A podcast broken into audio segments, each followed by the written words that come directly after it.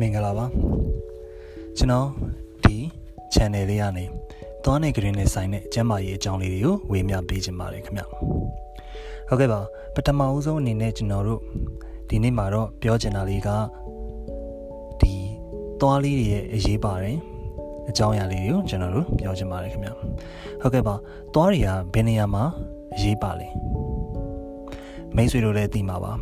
အစားစားတဲ့အခါမှာအစားအစာတွေကိုကြည်ညက်စွာဝါးစားနိုင်ဖို့အတွက်အရေးပါပါတယ်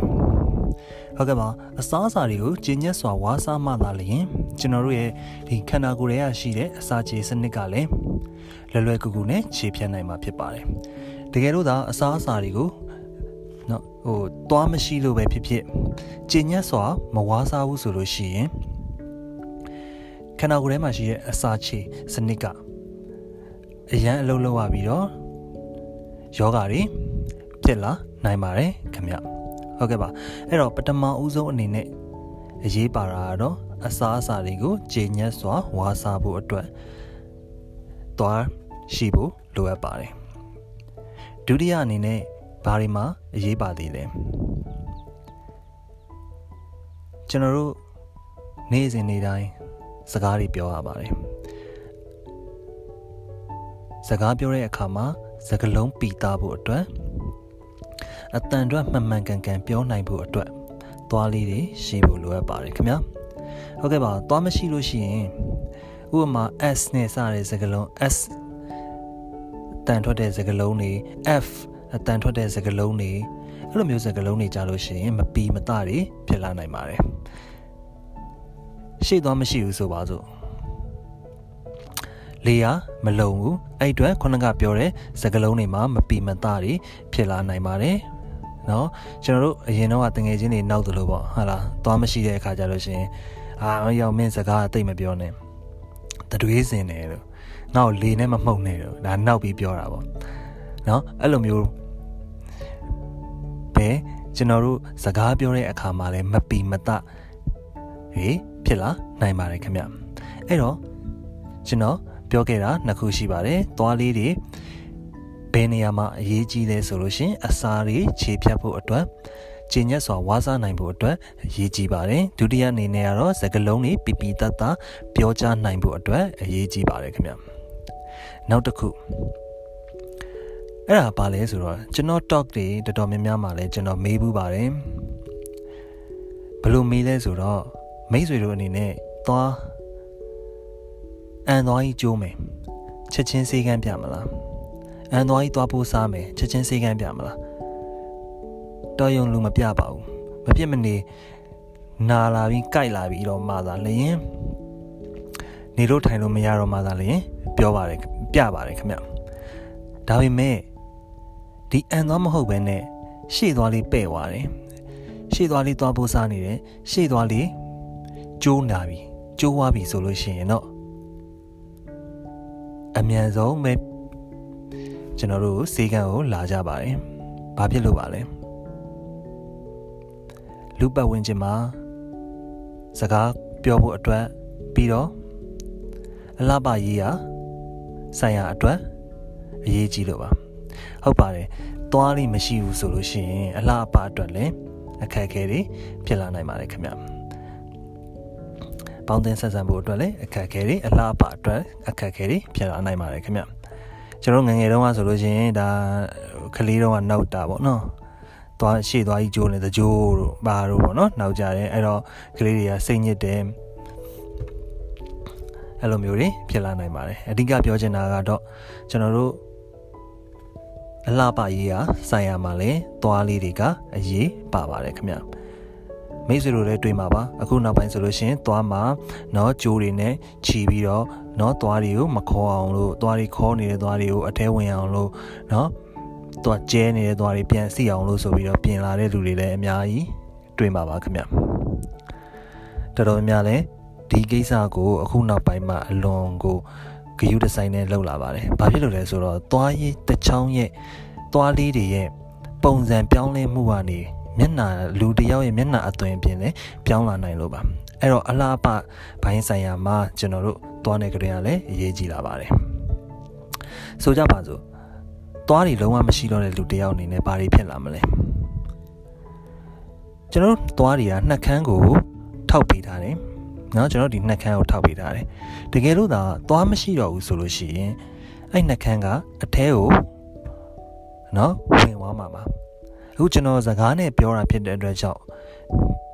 တဲတဲကွက်ကွက်မြင်ချင်မှမြင်ရမှာပါတကယ်လို့ကိုယ်မှာသွားတွေမရှိတော့တဲ့အဖိုးတွေအဖွားတွေပဲဖြစ်ဖြစ်ပေါ့နော်တွေ့တယ်ဆိုလို့ရှိရင်ကြည့်ကြည့်လိုက်ပါကျွန်တော်တို့အခုသွားပုံမှန်ရှိတဲ့လူနဲ့သွားမရှိတဲ့သူနဲ့ရှင်ကြည့်လိုက်ပါနှက်ခမ်းသားကအတွင်းကိုဝင်နေတာတွေ့ရပါလိမ့်မယ်ခင်ဗျ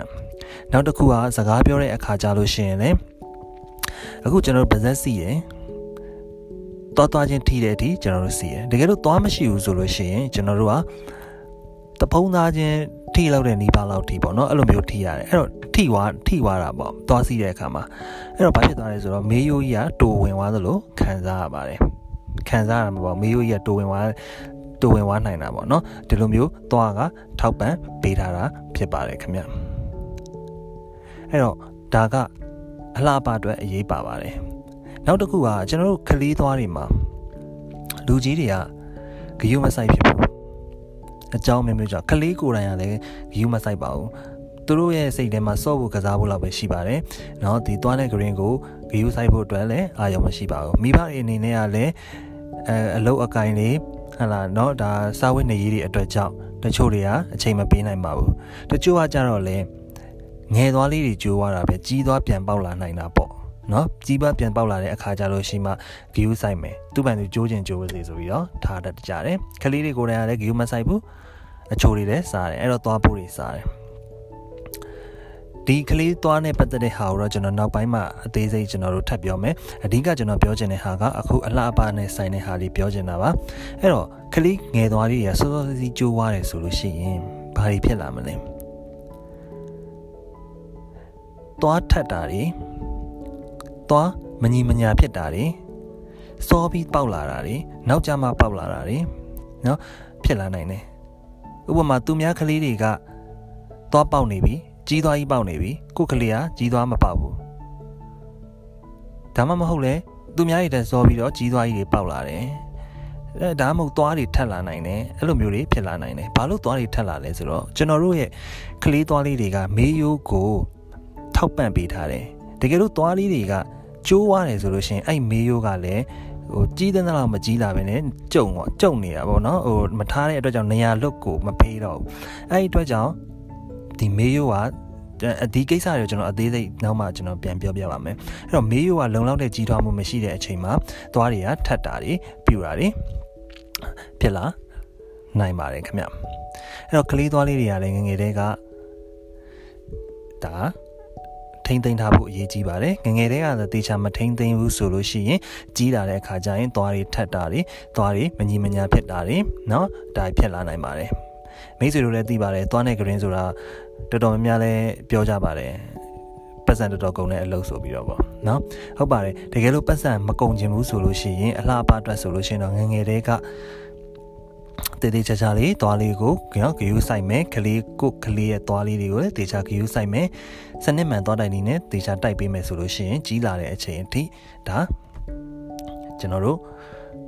လှပတဲ့သွားလေးတွေပိုင်ဆိုင်ရမှာဖြစ်ပါတယ်ခင်ဗျနောက်တစ်ခုကကျွန်တော်အလှပနဲ့ဆိုင်တာဆိုတဲ့အတွက်ကြောင့်နောက်တစ်ခုအနေလေးကျွန်တော်ထပ်ပြောချင်ပါတယ်ခလေးတွေလက်မဆုပ်တဲ့ကိစ္စပါခလေးတွေလက်မဆုပ်တာကို ဘာတွေဖြစ်လာနိုင်လဲဆိုရင်ကြီးလာတဲ့ချိန်ကျရင်ရှေ့သွားကြီးတွေခေါ်လာတတ်တယ်ပြီးတော့အနောက်မေးရိုးလေးတွေတိုးဝင်သွားတတ်ပါတယ်ခင်ဗျ ဒီကိစ္စကိုလည်းကျွန်တော် time second နဲ့ပတ်သက်တဲ့အကြောင်းအရာလေးတွေကိုလည်းနောက် episode တစ်ခုအနေနဲ့ကျွန်တော်တီးတန်လေးကျွန်တော်ထပ်ပြောချင်ပါတယ်เนาะဒီမှာကတော့ဒါအခုပြောလက်စဖြစ်သွားတဲ့အတွက်ကြောင့်ကျွန်တော်အလှအပနဲ့ဆိုင်တာလေးကိုကျွန်တော်ပြောရင်းနဲ့ပြောတာပါအဲ့တော့ကလေးငယ်တွေရဲ့သွားကျမ်းမာရေးကိုလည်းဂရုစိုက်ဖို့လိုပါတယ်ကလေးတွေရဲ့လက်မဆုပ်တဲ့အကျင့်လေးကိုလည်းဖျောက်ပေးဖို့လိုပါတယ်လက်မဆုပ်တဲ့အကျင့်ကိုမဖျောက်လို့ရှိရင်ရှည်သွားကြီးတွေခေါ်တာတွေเนาะနောက်မေးရိုးလေးတွေတိုးဝင်သွားတဲ့ကိစ္စလေးတွေလည်းဖြစ်လာနိုင်ပါတယ်ခင်ဗျဟုတ်ကဲ့ပါအဲ့တော့ကျွန်တော်အခု ပြောတဲ့အကြောင်းအရာလေးတွေကိုညီကုန်းချုပ်မယ်ဆိုလို့ရှိရင်တော့သွားတွေကအစားစားဖို့အစားကိုကျဉ်ညက်စွာခြေဖြတ်ဝါစားနိုင်ဖို့အတွက်အရေးကြီးပါတယ်အတန်အတွက်တွေပြီးပြီးပြင်ပြောနိုင်ဖို့အတွက်လည်းအရေးကြီးပါတယ်ခင်ဗျာဒုတိယတတိယအနေနဲ့အလားအပရေးဆိုင်ရာအတွက်လည်းသွားလေးတွေကအရေးကြီးပါတယ်ခင်ဗျဒီဟာတွေအားလုံးကိုမဖြစ်အောင်ဆိုလို့ရှိရင်ကျွန်တော်တို့ပြောနေကြစကားတစ်လုံးပဲရှိပါတယ်စနစ်မှန်သွားတိုင်းနည်းနဲ့တည်တည်ကြချတိုက်ပြီးတော့သွားလေးတွေကိုဂရုစိုက်ပေးပါခင်ဗျ ဟုတ်ကဲ့ပါကျွန်တော်ရဲ့ဒီသွားတဲ့ green နဲ့ဆိုင်တဲ့အကြောင်းအရာလေးတွေကိုအချိန်ပေးပြီးတော့နားဆင်ပေးတဲ့အတွက်လည်းကျေးဇူးတင်ပါတယ်ခင်ဗျာ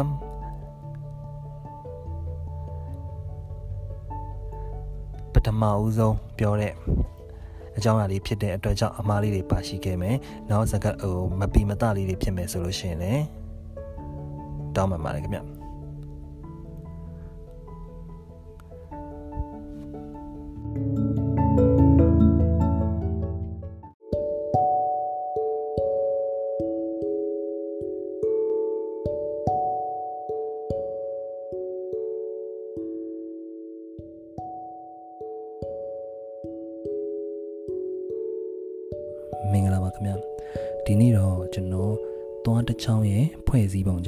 ကျွန်တော်ပြောမယ်အဲ့တော့မိတ်ဆွေတို့အနေနဲ့ပါဇက်ထဲမှာမြင်နေရတဲ့သွားလေးကိုကြည့်မယ်ဆိုလို့ရှိရင်မြင်နေရတဲ့ဟာက crown လို့ခေါ်ပါတယ်နော်ဦးခေါင်းပိုင်းပေါ့တရား crown လေးဖြစ်တယ်အဲ့ဒီ crown ရဲ့အောက်မှာဆိုလို့ရှိရင်ကျွန်တော်တို့သဖုံးထဲမှာမြုပ်နေတဲ့အပိုင်းလေးရှိပါတယ်တရားတော့ root လို့ခေါ်ပါတယ်အမြစ်ပိုင်းပေါ့နော် အဲ့တော့အဲ့အမြင့်ပိုင်းမှာကျွန်တော်တို့ကကြည့်မယ်ဆိုလို့ရှိရင်ဒီအမြင့်ကဒီသဖုံးရိုးတွေနဲ့ဓာတ်ရိုက်ကြီးတွေ့ဆက်ထားတာလားကတ်နေတာလားပေါ့နော်အဲ့လိုမျိုးဆိုရင်တော့အဲ့လိုမျိုးမဟုတ်ပါဘူးခင်ဗျဒီအမြင့်နဲ့ဒီသဖုံးရိုးနဲ့ကိုတွေ့ဆက်ဖို့အတွက် periodontal ligament ကိုခေါ်တဲ့ ligament တွေကချိတ်ဆက်ပေးထားတာပါအဲ့ဒီအတွက်ကြောင့်ကျွန်တော်တို့သွားတွေကဘယ်လိုလုပ်လဲဆိုတော့အဲ မျက်စိနဲ့လည်းမမြင်နိုင်ဘူးဗျာခံစားလို့လည်းမရတော့ဘူးပေါ့နော်ဘယ်လိုမျိုးလုပ်လဲဆိုလို့ရှိရင်ဒီ shop absorber action လေးနဲ့အလုပ်လုပ်တယ်ဗျအဲပြောချင်တဲ့ဟာကဘယ်လိုမျိုးလဲဆိုတော့သွားကဖိလိုက်တယ်အမှားတစ်ခုကိုစားလိုက်တယ်ဆိုလို့ရှိရင်မစိုးသလောက်ကလေးနှိမ်သွားတယ်ပြီးတော့မှ လွတ်လိုက်တယ်เนาะဟိုဝါးလိုက်တာပါးစပ်ဟားလိုက်တယ်ဆိုတဲ့အချိန်ကျတော့ပုံမှန်နေရပြန်ရောက်သွားတယ်ပြောချင်တဲ့ဟာခုနကပြောသလို short absorber action လေးနဲ့အလုပ်လုပ်ပါတယ်เนาะဖိချလိုက်တယ်နည်းနည်းလေးနှိမ်သွားတယ်เนาะဟိုပြန်လွတ်လိုက်တယ်ဟားလိုက်တယ်ဆိုတဲ့အချိန်မှာဒါပုံမှန်နေရလေးပြန်ရောက်သွားတယ်ဒါမြင်ရလားသိရလားဆိုတော့မသိရဘူးမမြင်ရဘူးเนาะမစိုးတဲ့လောက်ကလေးအလုပ်လုပ်တဲ့ဟာလေးကိုဒါကျွန်တော်အခုကြုံလို့ဒီပြောလိုက်တာပေါ့เนาะအဲ့လိုမျိုးလေးအလုပ်လုပ်ပါတယ် အဲ့တော့ဟုတ်ပြီကျွန်တော်တို့ခုနကပြောတဲ့စကားလေးကိုကျွန်တော်ပြန်ဆက်မယ်ဆိုရင်အပေါ်ဘက်မှာ crown ရှိတယ်အောက်မှာ root ရှိပါတယ်ခင်ဗျအဲ့ဒီသွားလေးကိုအဲ့လိုကြည့်ရနေနော်နောက်ကန့်လန့်ဖြတ်ပြီးတော့ကျွန်တော်တို့ကြည့်လိုက်မယ်ကန့်လန့်ဖြတ်ပြီးကြည့်လိုက်မယ်ဆိုလို့ရှိရင်တော့အလွှာ၃လွှာရှိပါတယ်နော်အဲ့ဒါလေးကိုကျွန်တော်ကအခုဒီပေါ့နော်ပါ ဇက်နဲ့ပြောနေတာဆိုတော့မျက်စိနဲ့မမြင်ရဘူးဆိုတော့ကျွန်တော်ဥပမာအနေနဲ့ဘယ်လိုပြောကြည့်မလဲဆိုလို့ရှိရင်သွားပူစားတယ်ပဲထားလိုက်ပါတော့နော်တကယ်တော့သွားပူစားတာမဟုတ်ပါဘူးအခုနောက်ပိုင်း 2DK သွားဆွေးမြေတယ်လို့ပြောပါတယ်ပိုးကောင်ကြီးကစားတာမဟုတ်ပါဘူးဒီအကြောင်းအရာလေးကိုကျွန်တော်သွားပူစားတဲ့အခါပြောတဲ့အခါကျရင်ကျွန်တော်ဆက်ပြီးတော့ပြောပါမယ်ဗျအဲ့တော့ကျွန်တော်တို့ကသွားပူစားတယ်ပဲထားလိုက်ပါတော့နော်သွားလေးကပူစားတယ် နော်သွားပို့စားတဲ့အခါမှာမမဲလေးမြင်ရမယ်ပေါ့နော်အာဒါတိတိကျကျမြင်လာတဲ့အချိန်မှာဆိုသွားပို့စားတဲ့အချိန်ကမဲနေတယ်မဲနေတဲ့အချိန်မှာနာလားကြိုက်လားမနာပါဘူးမကြိုက်ပါဘူးအဲ့လိုမဲမဲလေးပဲစပြီးမြင်ရတဲ့အချိန်မှာ အဲ့တော့မနာဘူးမကြိုက်ဘူးဆိုတဲ့ဟာကဘဲအလွှာမှာရှိတယ်ဆိုတော့ထိတ်ဆုံးကကျွန်တော်တို့မြင်နေရတဲ့မျက်နှာပြင်ပြောင်ပြောင်လေးဖြစ်တဲ့အလွှာလေးတစ်ခုရှိတယ်ဒါ enamel လို့ခေါ်တယ်เนาะကြွေသွားလွှာပေါ့เนาะအဲ့ဒီကြွေသွားလွှာမှာသွားပို့စားတာအဲ့တော့အဲ့ဒီကြွေသွားလွှာမှာသွားပို့စားလို့ရှိရင်နာလည်းမနာသေးဘူးကြိုက်လည်းမကြိုက်သေးပါဘူးအဲ့အနေမှာမကုသပဲနဲ့ထပ်ပြီးတော့အထက်ကိုနစ်ဝင်လာမယ်ဆိုလို့ရှိရင်ဒုတိယအလွှာဖြစ်တဲ့စင်စွယ်နှစ်လွှာကိုရောက်သွားမယ်သူ့ကိုတော့ denting လို့ခေါ်ပါတယ် အဲအဲ့ဒီအလွှာရောက်တယ်ဆိုလို့ရှိရင်တော့သွားကျင်လာပြီเนาะသွားနာတာပြီပေါ့နော်အဲတခါတလေကြာရင်ရေနွေးငုံရင်လို့ရေအေးငုံလို့ရှိရင်လို့ဆိုရင်တက်တာတယ်ဆိုတော့အချိန်တွေမျိုးလေးပါရောက်လာတယ်နာတာကျင်လာပြီပေါ့အဲ့ဒီအချိန်မှာကုသမှုခံယူမယ်ဆိုလို့ရှိရင်လည်းနော်ငွေကုန်ကြေးကြတက်သွားစားနဲ့ရိုးရိုးတနက်မယ် ဟော သွားဖားတယ်ဆိုတော့ယုံလောက်လေးနဲ့ပဲကုသလို့ရပါတယ်အဲ့လိုမှမဟုတ်ဘူးဒီကောင်ကတဖြည်းဖြည်းနဲ့ပို့ပြီးတော့နက်လာပြီဆိုလို့ရှိရင်ပထမအလွှာလဲစကုံသွားပြီဒုတိယအလွှာလဲကုံသွားပြီเนาะတတိယအလွှာရောက်လာပြီဆိုလို့ရှိရင်เนาะတတိယအလွှာကိုဘာလို့ခေါ်လဲဆိုရင် pub လို့ခေါ်ပါတယ်เนาะမွားသွားလာလို့ခေါ်ပါတယ်အဲ့ဒီ pub မှာဘာတွေရှိလဲဆိုလို့ရှိရင်သွေးကြောလေးတွေရှိပါတယ်ခင်ဗျာ အဲ့ဒီသွေးကြောလေးစီကိုသာရောက်သွားမယ်ဆိုလို့ရှိရင်ဘာဖြစ်လာမယ်ဆိုလို့ရှိရင်ဒီအမြင့်ထိတ်မှာပြည်တယ်တဲ့အနာတို့ဟာလာတဖုံးအောင်ပါလိဖောင်းလာတာတို့ပြည်ဘူးလေးပေါက်လာတာအဲ့လိုမျိုးတွေဖြစ်လာနိုင်ပါတယ်အဲ့တော့အဲ့ဒီဟာကမကုဘဲနဲ့ထပ်ထားမယ်ဆိုလို့ရှိရင်မျက်နှာကြီးတစ်ချမ်းရောင်လာတာမျက်နှာကြီးရောင်လာတာเนาะ cellulitis တို့ lewy angina တို့အစရှိတဲ့ဒါကြီးမားတဲ့ယောဂအခြေအနေတွေကိုကြုံတွေ့ရနိုင်ပါတယ်ခင်ဗျ ပြီးတော့အဲ့နေရာမှာသာကုသမှုလုပ်မယ်ဆိုလို့ရှိရင်เนาะခုနကဒုတိယအလွှာဖြစ်တယ်เนาะပထမအလွှာဖြစ်တယ်အဲ့လောက်အဲ့လောက်လိုမျိုးလွယ်ကူကူနဲ့ကုသလို့မရတော့ဘူးဒီထက်ပိုပြီးတော့ကြာမြင့်တဲ့ကုသမှုမျိုးတွေနဲ့ကျွန်တော်တို့ကကုရတော့မယ်ဥပမာအားဖြင့်ဆိုလို့ရှိရင်ဒီပြည်တင်နေတယ်ဆိုလို့ရှိရင်ဒီပြည်ကိုသွားနှုတ်လိုက်တယ်သွားနှုတ်မယ်ဆိုလို့ရှိရင်တော့မချက်ချင်းနှုတ်လို့မရပါဘူးစေးပေးတာတော့เนาะဘာလို့အရင်လောက်ရပါမယ်ခင်ဗျเนาะဒီပြည်တွေရှိနေတဲ့အတွက်ကြောင့်ပါ အဲ့လိုမျိုးလုပ်ပြီးတော့မှဒါ